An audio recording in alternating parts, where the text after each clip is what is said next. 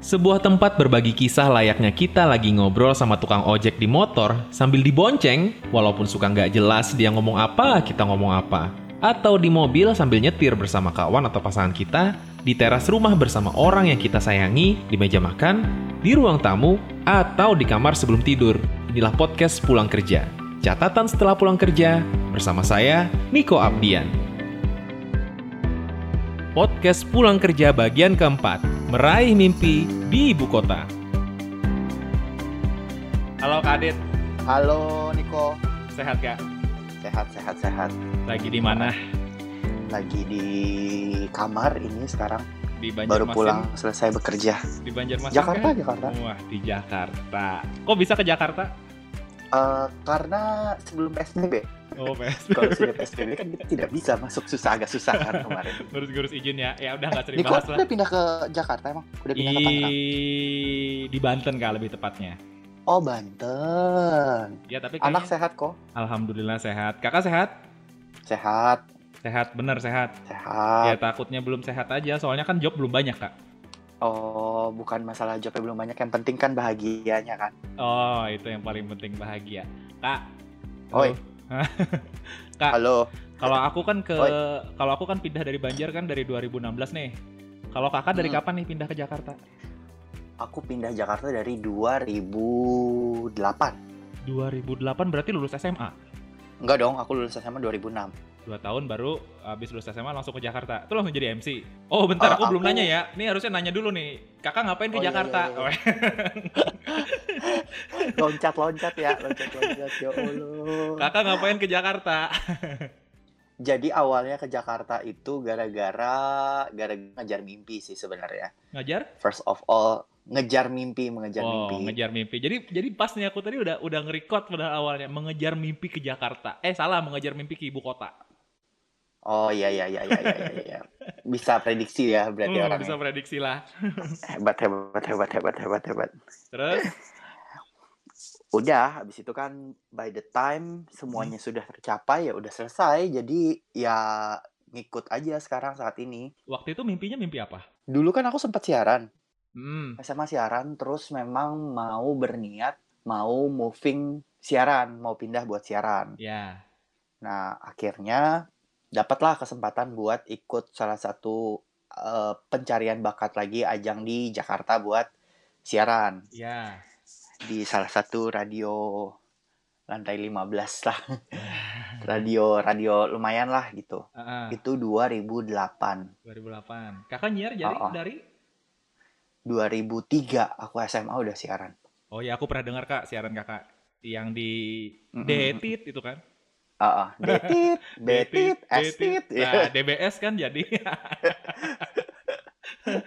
Oke. dulu itu 2003 Heeh, terus sudah pindah kan ke Jakarta di 2008 heeh. 2000 eh, iya benar 2008 aku pindah Hmm, terus ikut audisi dan ternyata masuk lolos tapi Lolos. akhirnya di tengah-tengah jalan mengundurkan diri karena eh, nggak kuat nggak tahan Kenapa tuh nggak tahan tuh?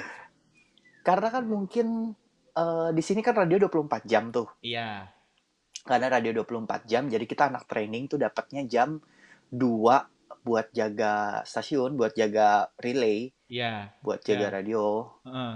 trainingnya jam kadang disuruh datang jam 2 kena jadwalnya kena jadwalnya jam jam 3 jam 1 lah kita kan karena terbiasa manja ya sudah bekerja dari 2003 maksudnya udah punya ego kali ya waktu muda. Maksudnya aduh males. Ah ya udahlah kejar offline apa on off airnya aja gitu. Mm, mm, mm.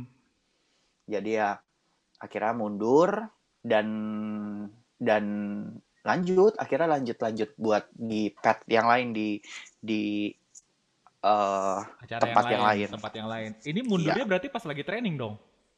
eh, lagi training saat training Berarti habis banyak eh, kok yang mundur karena memang alasannya kita kena pagi udah kena pagi kalau jaga doang sih nggak masalah kali ya pakai di sumpah serapa pakai di iniin jadi kan mentalnya agak-agak gimana gitu kan terus paginya mesti ngemsi lagi gitu kan Iya. terus kayak kesehatan tetap paling paling penting kan apalagi kesehatan mental kalau aku dari awal sih selalu menekankan kan kan kesehatan mental tetap paling penting.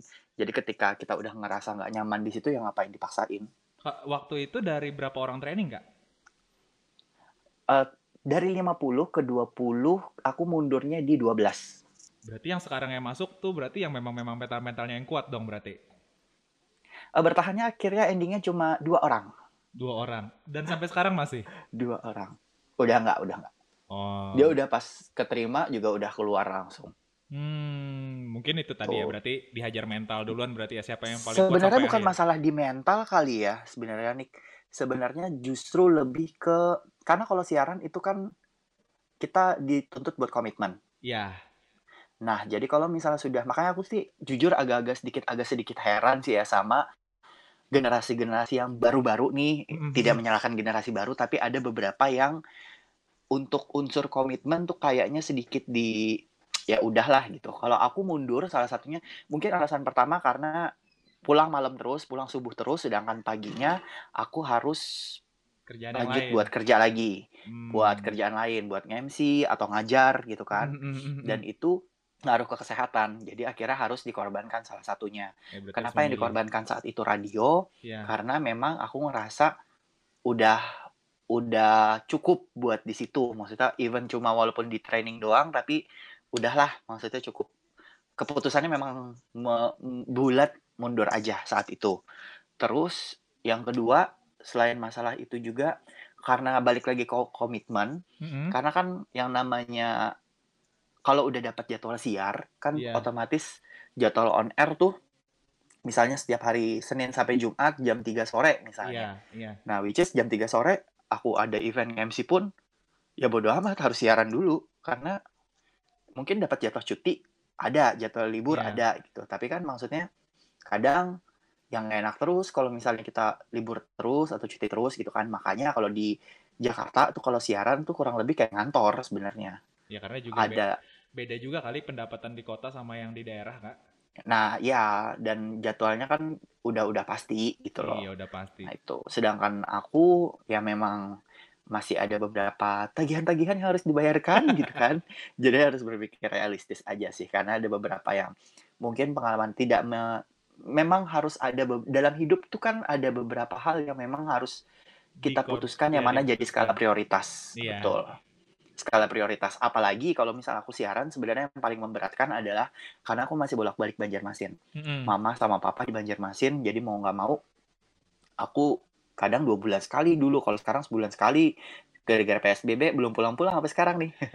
Biasanya sebulan sekali pulang, kalau Ah. nggak dua minggu sekali pulang, atau Ah. sebulan sekali, atau dua dua bulan sekali gitu loh. Dan itu cukup ngaruh. Kalau aku sekali pulang kan kadang seminggu Iya. gitu loh.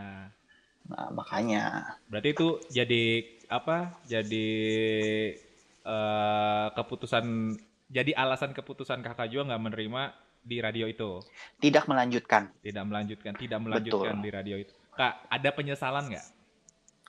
Hmm, so far nggak ada sih. Eh, bukan ada penyesalan itu gini, bukan penyesalan ah andai gua masuk ke sana tuh harusnya gua sekarang bukan bukan itu bukan itu. Misalnya penyesalan gini, eh penyesalan yang akhirnya kakak bawa misalnya ke ke tempat kakak ngajar ke orang-orang misalnya, misalnya kakak punya kesibukan atau misalnya mau mentorin orang nih, iya gua dulu nyesal nih karena nggak ikut di radio ini, tapi ini loh pelajaran di sana tuh kayak gini. Pernah nggak kakak bawa penyesalan itu buat memberitahu orang banyak? Jujur nggak ada sih, kok Hmm. nggak ada penyesalan sama sekali ya karena ya udah tinggal dijalanin aja. Maksudnya Mm-mm. memang memang sampai detik ini belum ada pernah menyesal menyesal untuk setiap keputusan yang dia ambil sampai detik ini sih. Hmm. Untungnya ya sampai Iya. sampai sampai saat ini. Tapi kita nggak tahu sampai ke depannya kayak gimana. Eh anyway, ini kalau ada backsound backsound suara dangdut maafin ya. Kayaknya ini gerobak dangdut lewat nih. Kedengeran nggak sih di sana? Kedengeran nggak terlalu sih. Anggap aja backsound. Tapi balik lagi kak kayak tadi, kan kakak bilang komitmen tuh ke masuk ke radio itu eh, yang ya yang itulah pokoknya ada komitmen tuh. Berarti ke yang lain-lain yang kakak mentorin atau ada anak didik kakak, berarti kakak juga akan ajarin men- komitmen itu dong berarti. komitmen dan ada skala, skala prioritas kan skala Hmm. prioritas yang harus kita kita lihat nih Hmm. skala prioritas tuh agak-agak beda tipis sama sama orang bilang eh apa sih istilahnya eh kayak ngotot gitu loh kayak kayak apa sih kalau kalau dia punya prinsip sendiri gitu Eh, ini apa? Eh Ng- ngerti kan maksudnya kayak Iya, ngerti, ngerti, ngerti. Kayak eh, kita punya idealis idealis. idealis Ah, nah idealisme kadang sendiri. kan ada punya idealisme sendiri maksudnya aku pengen tetap radio aja Iya, silahkan iya. tapi sengotot-ngototnya kita kita harus seidealis-idealisnya kita kadang kita harus Realistis. melihat realistisnya seperti apa Iya. nah kalau di aku terutama Hmm. Eh, sampai detik ini mungkin kalau penyesalan secara karir bukan menyesal kali ya kok Iya. tapi mungkin sesekali sesekali Mm-mm. sempet kepikiran aja Oh, kalau kepikiran. seandainya aku nggak siaran waktu SMA kira-kira aku kerjaannya apa ya apakah jago toko atau aku tuh punya cita-cita tuh kok pengen ngantor pakai seragam gitu loh Iya.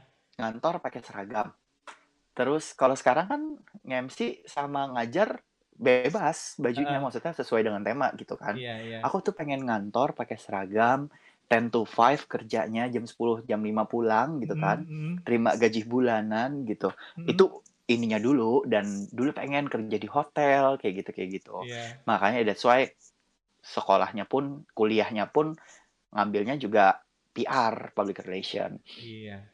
itu jadi kalau mm, bukan menyesal sih mungkin memikirkan memikirkan kira-kira aku bisa ngantor nggak ya dan sebenarnya kan tujuan dulu dulu tuh sempat ngomong sih kok Iya. sempat ngomong kalau misalnya umur 30 aku belum pernah masuk TV Iya. dulu nih waktu umur 18 tahun kali ya Iya. waktu pertama kali ke Jakarta Mm. aku nggak mau ngotot aku udah ngomong di awal aku nggak mau ngotot Mm. kalau nggak pernah masuk TV Mm. tidak dapat panggung gede panggung kecil di Jakarta Mm.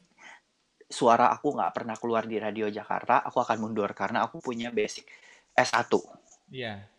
aku punya basic S1 dan aku bisa ngantor sebenarnya Heeh. umur 27 aku waktu itu targetnya umur 27 Heeh. ternyata umur 26 umur 25 udah kesampaian semua tuh jadi memang ya udah berarti ini jalannya gitu Iya. loh Ini udah jalan ya.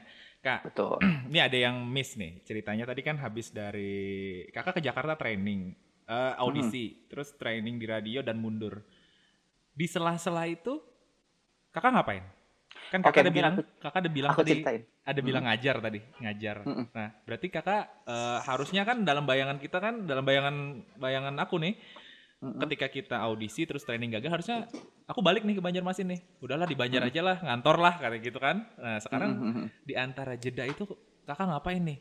Yang akhirnya itu yang bisa buat kakak bertahan loh dari 2008 sampai 2020, 12 tahun. 2020. 12 tahun ya Aduh, Iya. lama juga ya Nggak berasa ya? Nggak berasa jadi sebenarnya aku ke Jakarta tuh tujuannya bukan cuma bukan cuma audisi bukan cuma siaran radio doang sih Hmm. kok tapi aku juga oh aku dari MC kan 2003 tuh Iya, beberapa kali dapat klien Jakarta iya. orang Jakarta IO Jakarta jadi ngumpulin koneksi dari situ terus akhirnya pas balik ke Jakarta dihubungin lagi ditelepon lagi beberapa kliennya Iya, ditelepon untuk ajak ketemuan tidak ngomongin tentang event ya. Iya. tidak ngomongin tentang kerjaan gitu tentang job. Cuma ngasih tahu aku udah balik ke Jakarta gitu. Iya. nah terus di 2008 itu aku ngajar 2010 Mm, di 2008 itu aku kalau misalnya nggak ke nggak nggak siaran waktu itu Iya. nge-MC kalau nggak nge-MC ketemu-ketemu orang kenapa Hmm. tidak balik ke Banjarmasin ya karena memang yang di Banjarmasin tuh sadar nggak sadar aku udah udah mentok posisinya kok Iya, udah mentok siaran udah Heeh. nge-MC udah Iya. maksudnya udah mentok di situ karirnya jadi harus ada next step kan Iya, harus harus biar biar berkembang ya, Kak ya. betul ada next stepnya karena goal saat ini pun aku jujur udah berubah lagi nih Hmm. strategi sekarang juga udah agak berubah lagi gitu loh karena aku mau nanti suatu saat balik ke Banjarmasin pun ada bekal yang aku bawa buat generasi Banjarmasin selanjutnya Iya. Apa proyeknya, Kak? itu projectnya pengen pengen ngebangun generasi generasi selanjutnya buat Banjarmasin karena orang Banjarmasin tuh banyak kreatif loh kok contohnya Niko nih Contoh. ya kan Iya. contoh kamu ya kan Hmm. terus Enggak, aku Bisa nggak kok nggak bersaing. kreatif. Enggak, aku nggak Enggak. kreatif. Enggak, enggak. Maksudnya masih bisa bersaing kan sebagai orang yang lahir di Banjar, besar di Banjar, bisa bersaing sama orang-orang dari kota lain di di ibaratnya walaupun di Banten tapi ke Jakarta juga deket gitu masih Iya. masih bisa bersaing kok kita dengan wilayah-wilayah lain nggak jelek-jelek banget gitu loh Heeh. sebenarnya sumber dayanya bagus di sana sumber daya manusianya bagus Mm-mm. gitu terus kalau di sela-sela dulu aku ngajar 2010 sih jadi Itu ngajar dulu apa, ngajar 2010 ngajar public speaking. Hmm, ngajar public speaking 2010 Uh, dan suara tipe suara aku kan sebenarnya tipikalnya bukan suara bukan bukan suara yang enak renyah buat didengar sih kok. Honestly Iya. suaraku kalau di record suaraku nggak nggak beda beda jauh. Suaraku ketika di record beda jauh Eh, aku ini ngerasa memang bukan renyah bukan emang emang cempreng suaraku dari dulu emang cempreng dan emang kayak gini gitu loh ini beda aja ini aja suara nekat, Kak. Ini, ini suara nekat nih ke podcast. Oh iya. Makanya ntar kalau misalnya ada yang ngomong nih yang di podcast podcastnya Niko nih ada yang bilang apaan suara kayak gitu jadi penyiar ya balik lagi kan orang punya ciri khas masing-masing. Iya, Ya, betul. suara apa apalagi kalau kalau suara bulat kalau suaranya oke ya tipikalnya akan begitu-gitu aja. Iya. Banyak kok betul. yang tipikal suara cempreng dan lain-lain kan yang penting karakternya kan. Iya. Itu. Kak, karena kakak nih bagian eh, apa? Bukan bagian ya. Kan dulu pernah nyiar nih, pernah Mhm. nyiar. Terus sekarang eh, tadi kakak juga sempat bilang jadi PR ngajarin orang ngomong, kak. Skill Bukan jadi PR. eh bukan jadi PR. Bukan, bukan jadi PR. Eh ngajar ngajar ini apa? Public speaking. Public speaking, Ah, ngajar ya. public speaking. Kuliahnya di PR. Ya kuliahnya di PR. Balik-balik ini. Nah, Kak, buat apa ya? Eh tips deh, tips buat aku nih yang baru bikin podcast nih. Kira-kira yang paling basic banget apa nih? Saran dari Kakak. Jangan saran deh, kritik deh, tips deh. saran kali ya mungkin yang modal paling penting tuh sebenarnya sih nah ini yang aku di usia aku sekarang tuh udah males kok aku di titik udah males Hmm, nah di titiknya kamu apalagi baru mulai aku tuh udah berapa kali pengen cobain mau bikin YouTube channel mau bikin podcast gitu Heeh. aku udah di titik males kok udah di titik yang konsistennya udah menurun saat ini iya. jiwa juangnya udah menurun which is itu jelek sih sebenarnya di industri kreatif tuh kita nggak bisa nggak bisa punya mental yang udahlah ntar aja ah. ntar sok ntar sok karena mungkin udah terlalu dimanjain dengan posisi aman kali ya Iya, saat udah ini gitu aman loh. dan nyaman. Ah.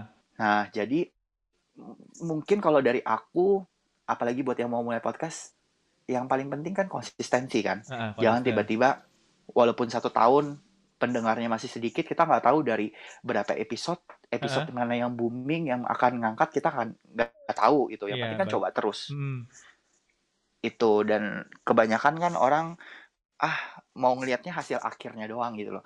Mau ngelihatnya di ending akhirnya apakah oh ini pasti akan kaya dapat duit bla bla bla segala macam. Tapi kan prosesnya harus dijalanin gitu loh. Iya. entah setahun tanpa pendengar atau dua tahun tanpa pendengar Hmm, bisa jadi kan sebenarnya. Berarti konsisten ya kak ya. konsisten dan itu itu udah paling ini. Makanya kenapa beberapa selebriti terkenal Hmm, ya rumusnya karena strip eh, karena stripping karena konsisten itu mereka selalu nongol mereka selalu ada makanya dikenal. Hmm, hmm, hmm, programnya diulang terus tiap pagi ya dikenal karena konsistennya itu konsistensinya. Bagus nggak bagus dihajar aja terus. Iya, masih suka nongol, masih eksis lah ya, masih kreatif gitu, masih muncul aja terus, jadi pasti dipakai gitu ya. betul karena kan kalau era sekarang kalau era dulu zaman zaman aku dulu tuh kan kita cuma sebagai talent. Kalau Mm. sekarang kan semuanya harus serba ngerangkap. Talent iya kreatif iya yang ngerjain ngedit ngeditnya juga kita sendiri juga. Kalau dulu kan Ada orang semuanya udah tinggal datang iya tinggal datang. Which is siaran di sini pun sebenarnya gampang banget dibandingkan Banjarmasin. Ya. Iya, kalau di kalau jenis Banjarmasin siaran kan di sini. masih ngutak-ngutik mixer sendiri, kalau di sini kan kayaknya udah enak mixer banget ya. sendiri. Mixer sendiri. Terus konten juga kita nyiapin sendiri Iya. kan? Terus eh lagu juga nyiapin sendiri kalau di sini udah terima jadi kalau siaran di sini udah terima jadi maksudnya ada skrip terus Mm. juga ada ada produsernya beberapa radio yang gede memang ada produser buat ngarahin si programnya Iya. gitu loh Hmm. Tuh kalau di Banjarmasin kan kita ngerjain sendiri kan, ngomong-ngomong sendiri, salah handle sendiri gitu. Iya, nikmatin sendiri pokoknya. Itu. Kak, balik lagi ke profesi kakak. 12 Mhm. tahun nge-MC. Ada jenuhnya nggak? Aku kayaknya nge-MC bukan 12 tahun deh. Eh, berapa tahun jadinya? Aku 2003 starting. Ah, 2003. Oh ya, 2003, 2 14, 15, 16, 17, 18, 17. Eh, 2003 kan 2003 2008 kan dua- 2000 2003 2008 di Banjarmasin. Heeh. Eh, sisanya kan berarti di Jakarta nih. Ada masa Iya. jenuhnya nggak? 16 tahun sih jenuh ada. Ada lah masa jenuh ada. Ada banget karena posisinya harus setiap pagi misalnya Mhm. dapat event yang apalagi aku mainnya exhibition kan. Kalau Ah. exhibition kadang jam 10 udah standby tuh. Iya. Apalagi kalau corporate jam 8, jam 9 sudah harus standby. Iya. Kayak tadi pagi aku mesti event di Bekasi, aku berangkat jam eh, bangun jam 5 Mm. jam 5 pagi. Berarti mau nggak mau eh, alarm tiap pagi dibangunkan dengan alarm. Kebayang dong kalau misal tidur lagi enak-enak, apalagi kan aku termasuk yang tidurnya larut terus jam Iya, 12, jam 1 aku 12, pasti tidur 1 biasanya. Mm. Eh, eh, main game atau ngedit-ngedit atau apa gitu. Ah, Nah, aku biasanya termasuk yang ya udah kalau bangun pagi ya tetap bangun pagi dan kadang kan kayak aduh males mau tidur dulu ah mau ini gitu mau mau mau liburan mau libur dulu mau stop dulu gitu mm. tapi ya ketika bekerja perasaannya udah hilang udah yang udah aja gitu loh apesnya kalau seandainya lagi bosen Iya. lagi bosen nggak ada kesempatan libur Mm. terus dapat kliennya nyebelin. Nah itu kadang bosennya kayak udahlah stop. Aku mungkin krisis krisis bosen itu tiga tahun lalu kali ya sekitar tiga tahun lalu tuh aku sudah sempat krisis bosen sih. Apakah aku mesti balik lagi? Apakah mesti lanjutkan atau enggak? Ini memang jalannya aku atau enggak gitu loh. Iya, berarti jenuhnya tuh lebih ke apa? Ke waktu sebenarnya kayak apalagi waktu tuh maksudnya ya kayak kita bisa aja kayak eh, harusnya jam istirahat, harusnya jam me time lah, tapi tiba-tiba eh, waktu itu nggak ada gitu ya. Nah tuh kalau ngomongin Ah. jenuh, terus yang bikin kakak semangat menjalani ini semua kan jauh dari rumah, terus nggak istilahnya yang bahasa kalau bahasa aku sih nggak punya temen lah ya hidup sendiri di sana lah. Nah yang bikin kakak semangat bisa bertahan sampai sekarang apa itu kak? Untungnya sih sebenarnya kalau dibilang nggak punya temen, aku lebih ke memang karena kalau teman-teman semua rata-rata mau nggak mau yang seprofesi ya. Kenapa Ya. dibilang yang seprofesi? Karena waktu libur kita sama. Iya. Waktu liburnya sama. Kalau tidak seprofesi agak susah karena yang lain libur Sabtu Minggu aku kerja. Mm-mm. Nah kalau yang gilirannya yang lain kerja Senin sampai Jumat atau Mhm. Senin sampai Sabtu, akunya libur. Mm-mm. Pasti akan susah kan cari temen nongkrong gitu loh. Iya. Ya itu tadi berarti lingkup circle kakak sendiri yang harus kakak bangun ya buat nyari teman itu ya. Nah itu dia dan dan dunia entertainment itu kan memang circle-nya nggak sehat sebenarnya, honestly Iya. nggak sehat. Mm-mm. Circle-nya tidak sehat karena apa? Karena tidak sehatnya kadang udah ngomongin sikut menyikut satu sama lain, ngomongin Hmm. satu sama lain, nggak usah muna lah. Aku juga kadang ngomongin orang saking keselnya gitu Iya, kan. iya, iya.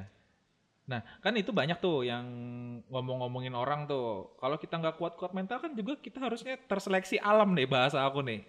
Itu se- se- sekuat apa kakak ngadepin itu tuh? Nggak mungkin dong nggak ada yang ngomongin Kak Adit. Kak Adit kan istilahnya kepalanya botak, badannya gendut. Eh, Ada nggak yang botak baru ngomongin? dua tahun terakhir ya. botak baru dua tahun terakhir ya. Kira-kira ada nggak yang ngomongin kayak gitu atau enggak atau enggak gini deh. Nih orang sok banget sih dari jauh juga bukan orang Jakarta juga ngapain sih ngambil lahan di sini? Ada nggak kayak gitu? justru jujur aku yang dapat eh, dapat dapat omongan miring itu justru di Banjarmasin kok. Oh gitu. Iya. Harusnya kan orang Banjarmasin juga support deh. Iya. Aku justru dapatnya dari Banjarmasin kebanyakan. Ngapain sih? Tetap eh, ngapain sih ngurusin urusan Banjar atau misalnya ini siapa sih nih orang tiba-tiba nongol gitu. Karena kan Iya, aku iya. jarang nongol kan di Banjarmasin paling aku gathering. Gathering itu kalau misalnya undangannya memang company-nya company company gede iya. roadshow tiba-tiba ada satu kota kota Banjarmasin atau misalnya ada beberapa wedding nih wedding dia kenal dia tahu terus Mhm. dia manggil buat aku MC gitu loh. Iya. Nah, kadang ada beberapa yang masih ngeremehin kayak eh ini siapa sih? Ini kenapa sih? Kok dia gitu. Justru kebanyakan remeh itu dari dari lokal, Padahal dari tahu dari nih. tempat aku berasal. Padahal nggak tahu nih yang datang nih sesepuhnya daerah ini nih. Eh, dulu dulu Enggak, justru dari lokal sih sebenarnya. Kadang kan eh kalau aku menanggapinnya sih karena mungkin sekarang udah udah tua juga kali ya. Eh, udah tua. Udah tua, udah banyak pengalaman gitu. Maksudnya udah banyak cerita yang dilaluin. Mm-mm. Sekarang sih udah bodo amat sih. Mau nganggep, mau nggak nganggep ya bodo amat. Mau awalnya karena kebanyakan tuh awalnya jutek dulu, awalnya eh impressionnya kurang menyenangkan gitu kan sambutannya. Ya. Mm-mm. Terus tiba-tiba pas tengah-tengah ngelihat aku ngebawain acara, ngelihat aku ngelitnya bagaimana, Iya. jadi lebih ramah, jadi nemenin gitu. Mm. Ya itu udah udah biasa aja, udah yang ya udahlah gitu loh. Kalau sampai akhir pun tetap dijutekin, ya Itu urusan lu. bukan urusan kita. Bukan urusan kita buat ngurusin ngurusin ketidaksukaan orang. Yang penting kita bekerja. Karena aku kan di sini bukan main ya, bekerja. Karena di sini bekerja. Jadi mau nggak mau ya do the best di pekerjaannya. Yang penting kerjaanku beres dan dan dan tidak melakukan kesalahan Iya, betul. itu. Apalagi kan kalau aku sih sebenarnya tipenya ini percaya nggak percaya sih aku. Aku Mm. tipenya bukan tipe yang suka jalan-jalan yang tiba-tiba nongkrong ke sana kemari terus kumpul-kumpul gitu. Ya karena kakak kan juga awalnya sibuk dengan kesibukan kakak juga dari dari SMA tadi udah sibuk kerja, nyiar, terus ke Jakarta. Ke Jakarta juga akan eh kalau orang di daerah kakak mikir, wah itu mah Adit mah cuman jalan-jalan nongkrong doang ya kan mereka kan juga nggak tahu kesibukan kakak di Jakarta. Mungkin itu yang bikin Apalagi kakak nah nggak pernah mungkin ya. nongkrong. Iya juga ya bener ya. Aku Iya. nongkrong iya, tapi kan sama beberapa teman-teman yang memang setujuan gitu, sevisi Iya. sesuai dengan visinya. Ya berarti kan circle ap- circle milih circle juga penting nggak? Penting karena balik lagi aku udah berkali-kali bilang kan, Hmm. kalau kita dalam hidup tuh cuma bisa pilih dua kan, Iya. Satu teman, pasangan hidup. teman dan pasangan hidup. Betul. Sisanya kita dikasih kan. Jadi trailer rupanya ini. Satu Iya, teman dua pasangan hidup. iya. Sisanya kan kita dikasih. Kalau Iya. pasangan hidup kan kita bisa pilih. Oh ini dari awal kok berantem terus, kok ini ada yang ganjil, ada yang aneh, ada yang nggak serak. Mm-mm. Kita bisa putus, bisa cari. Atau Iya. kalau misalnya tiba-tiba di tengah jalan, udah nikah pun tengah jalan, Mm-mm. ada komitmen yang tidak sa- tidak sama, tidak seiringan lagi, kan Iya. bisa. Tapi kan kalau keluarga kita nggak bisa pilih. Iya, keluarga nggak bisa milih. Anak, orang tua, kita nggak bisa pilih kan. Iya, Kita betul. dikasih. Iya. teman juga kita bisa pilih. Oh, ini circle-nya bagus nih buat kita. Kayak di Iya. sini ada beberapa circle aku yang yang aku butuh koneksinya mereka, aku butuh pertemanan mereka, tapi aku juga harus berhati-hati karena mereka eh apa ya, mau dibilang berbahaya karena kayak misalnya ngobat atau Iya. pergaulan kayak gitu kayak gitu kan. Maksudnya Iya.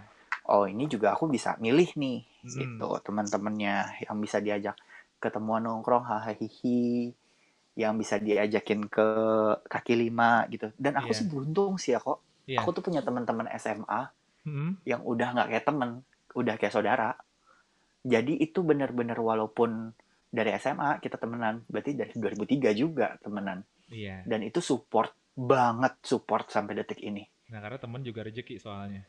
Mm-mm, temen juga rezeki. Betul betul betul betul temen juga masuk rezeki. Betul betul betul. Setuju setuju setuju. Nah dan kita kan teman-teman SMA aku tuh bukan satu dua kok. Iya. posisinya ada 30 orang lebih bahkan. Mm-mm. geng-geng kita tuh maksudnya satu SMA tuh tetap tetap kontak sampai sekarang. Maksudnya tetap tetap saling bantu kalau ada kesulitan kalau ada apa Iya. Beruntung punya temen yang kayak gitu ya. Ya rezeki lah aku bilang mah rezeki. Kak, dan oi eh dan apa tadi? dan aku sih mungkin gara-gara berjalannya hidup seiring berjalannya hidup tuh tidak dengan mudah melabelkan orang sebagai sahabat kan tuh karena susah saat ini oh sahabat tiba-tiba malah kita ekspektasinya lebih ternyata malah nyakitin Iya. gitu kan Berarti jangan terlalu berharap lebih juga sama orang ya. jangan berekspektasi lebih eh. Tapi kalau kita ngasih yang terbaik boleh dong. harus Oh harus, bener. harus kan Harus ngasih yang iya terbaik dan siap menerima yang terburuk. oh, oh. karena kan kalau menerima yang terbaik siapa aja siap sebenarnya Siap. Hmm. tapi menerima yang terburuk belum tentu siap Belum kan tentu siap. Kak, Oi. kakak kan merantau nih ceritanya. Heeh. Dari Banjarmasin, Jakarta. Atau aku bilang dari daerah ke ibu kota. Karena sekarang kan ibu kotanya Jakarta nih. Ntar kalau berubah lagi terserah lah. Kebanyakan dari dari orang-orang daerah kita, Banjarmasin khususnya tuh, banyak yang eh apa ya? Merasa zona, mungkin merasa zona nyaman kali ya. Zona aman, zona nyaman, jadi nggak berani pergi nih. Mm-mm. Padahal kan kita bisa berkembang nih di luar nih. Nah, Hmm. eh, apa ya? Bukan pesan sih. Apa ya lebih ke kalau tips kan tadi udah. Apa ya? Bukan pesan sih ya. Biar orang termotivasi buat ya udah lu lu harus berani pergi gitu loh. Jangan jangan di sini tuh apa sih bahasanya ya? Hmm. oh ya aku aku nangkap sih maksudnya kok Hmm, nangkap nih. tapi kalau ini langsung aku jawab ya Heeh. dulu aku berpikir sama dengan Niko Iya. ayo dong orang Banjar sebenarnya bisa menunjukkan dirinya punya potensi besar Iya.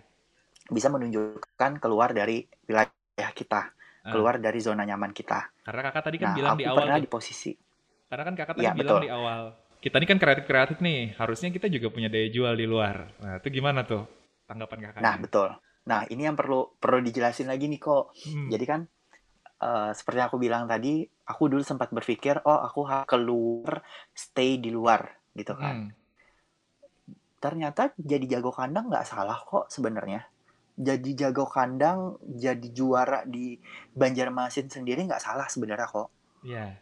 Karena apalagi sekarang era teknologi kan, semua karya bisa keluar bahkan sampai keluar negeri bisa bisa terdengar karyanya asal tetap konsisten berkarya kan. Mm-mm. karena banyak selebgram Banjar juga yang terkenal sebenarnya di Jakarta gitu loh. Iya. Beberapa tuh yang punya karya di Banjar, almarhumnya Om John Tralala, Mm-mm. dia Terkenal. stay di Banjar aja dan terkenal di Indonesia bahkan di luar Ya. negeri bahkan sampai almarhumnya Om John tuh. Mm-mm.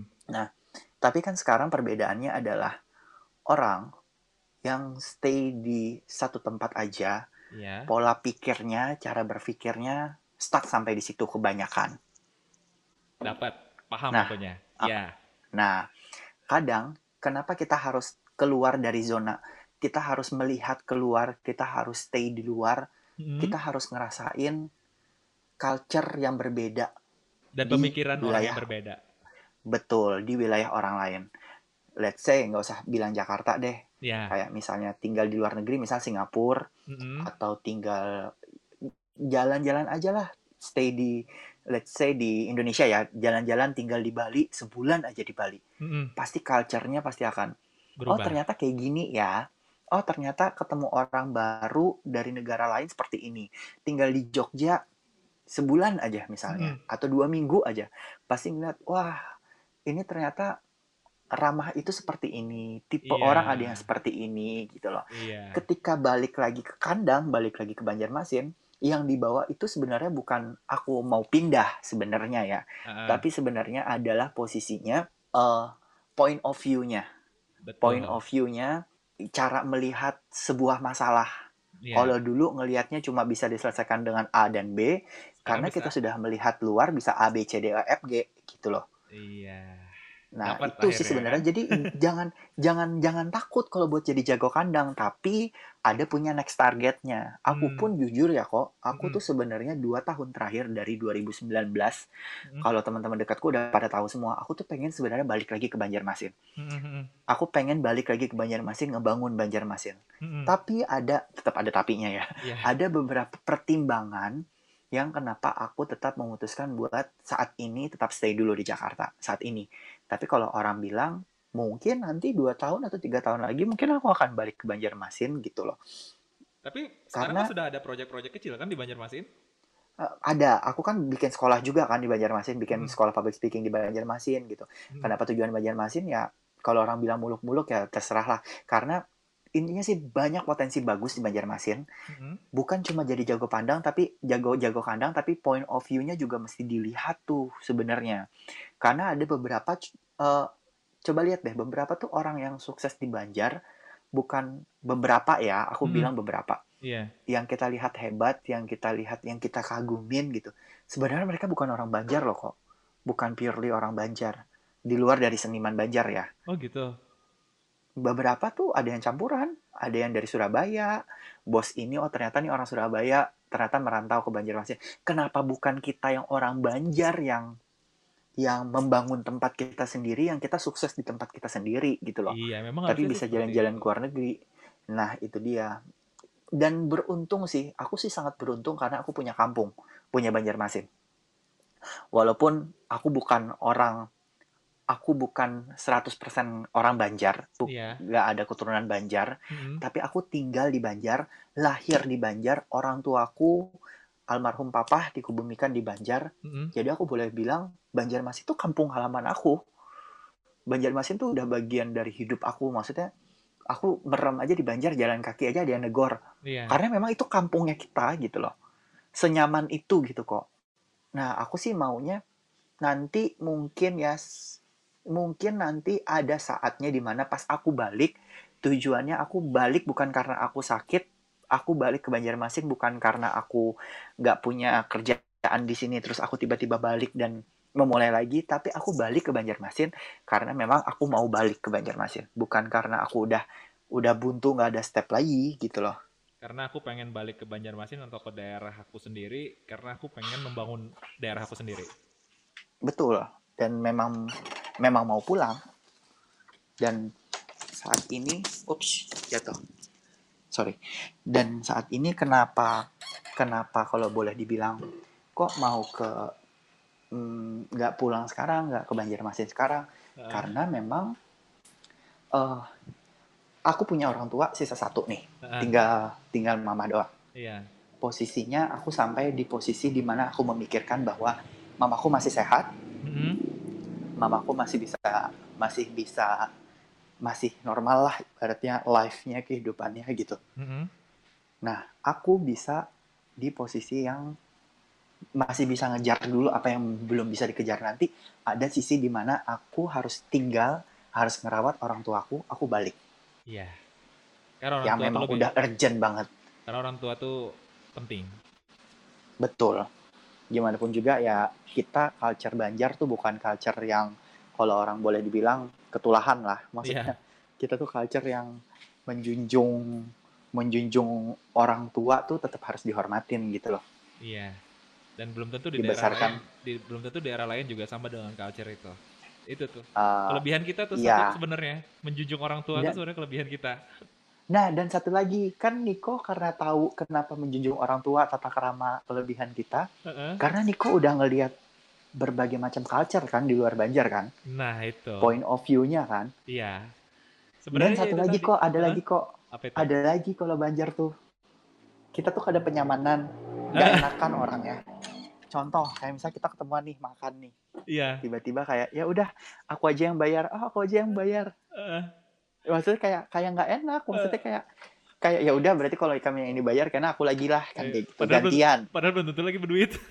belum tentu lagi berduit karena kita tuh memang bukan gengsi sebenarnya kalau orang bilang oh orang Banjar gengsinya tinggi itu bukan gengsi tapi memang culture kita tuh nggak enakan Heeh.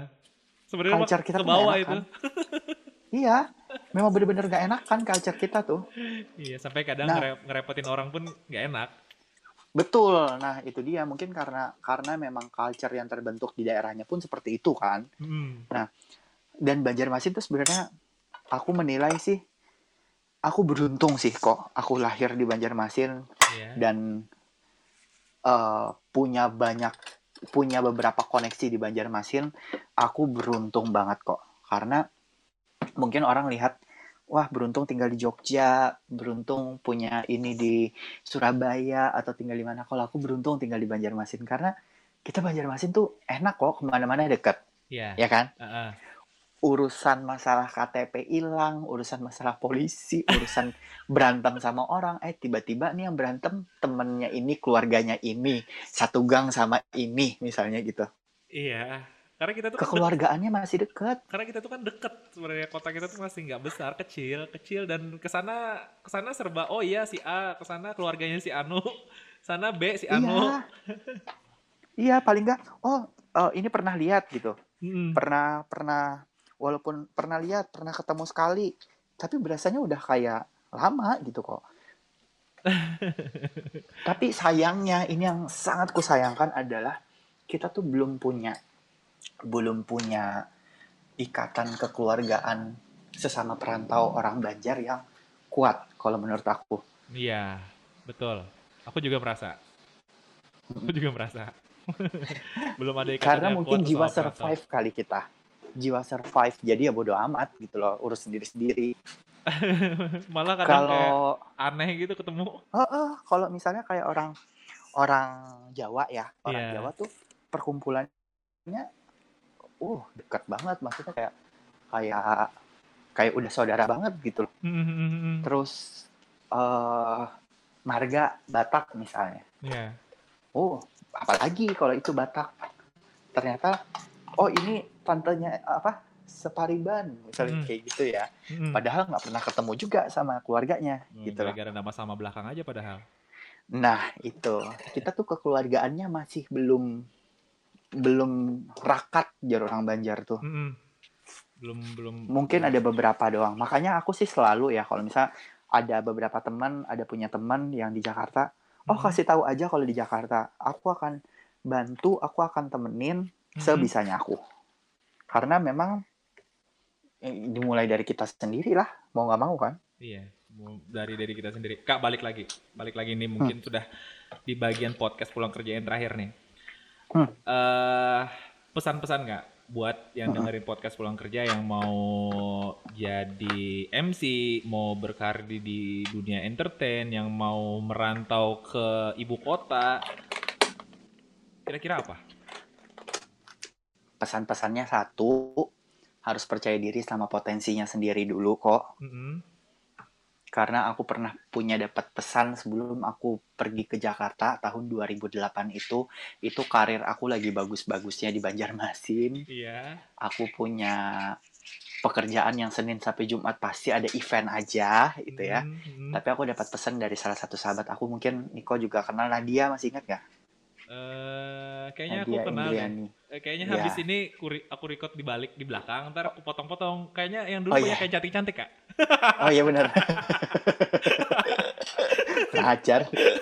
Jadi si Nadia tuh pernah bilang yang penting yang beruntung itu adalah ketika aku pergi merantau yang ku bawa tuh bukan duit sebenarnya tapi potensi dan kemampuan kemampuan dari diri kitanya Oke, potensi dan karena itu adalah diri. modal modal utama kan jadi otomatis karena kita bawa potensi kita bawa kemampuan kita ya kita harus percaya diri buat ngejual ngejual diri kita kan Iya. ngejual diri dalam artian potensi kita sejauh mana gitu dijualnya Oke.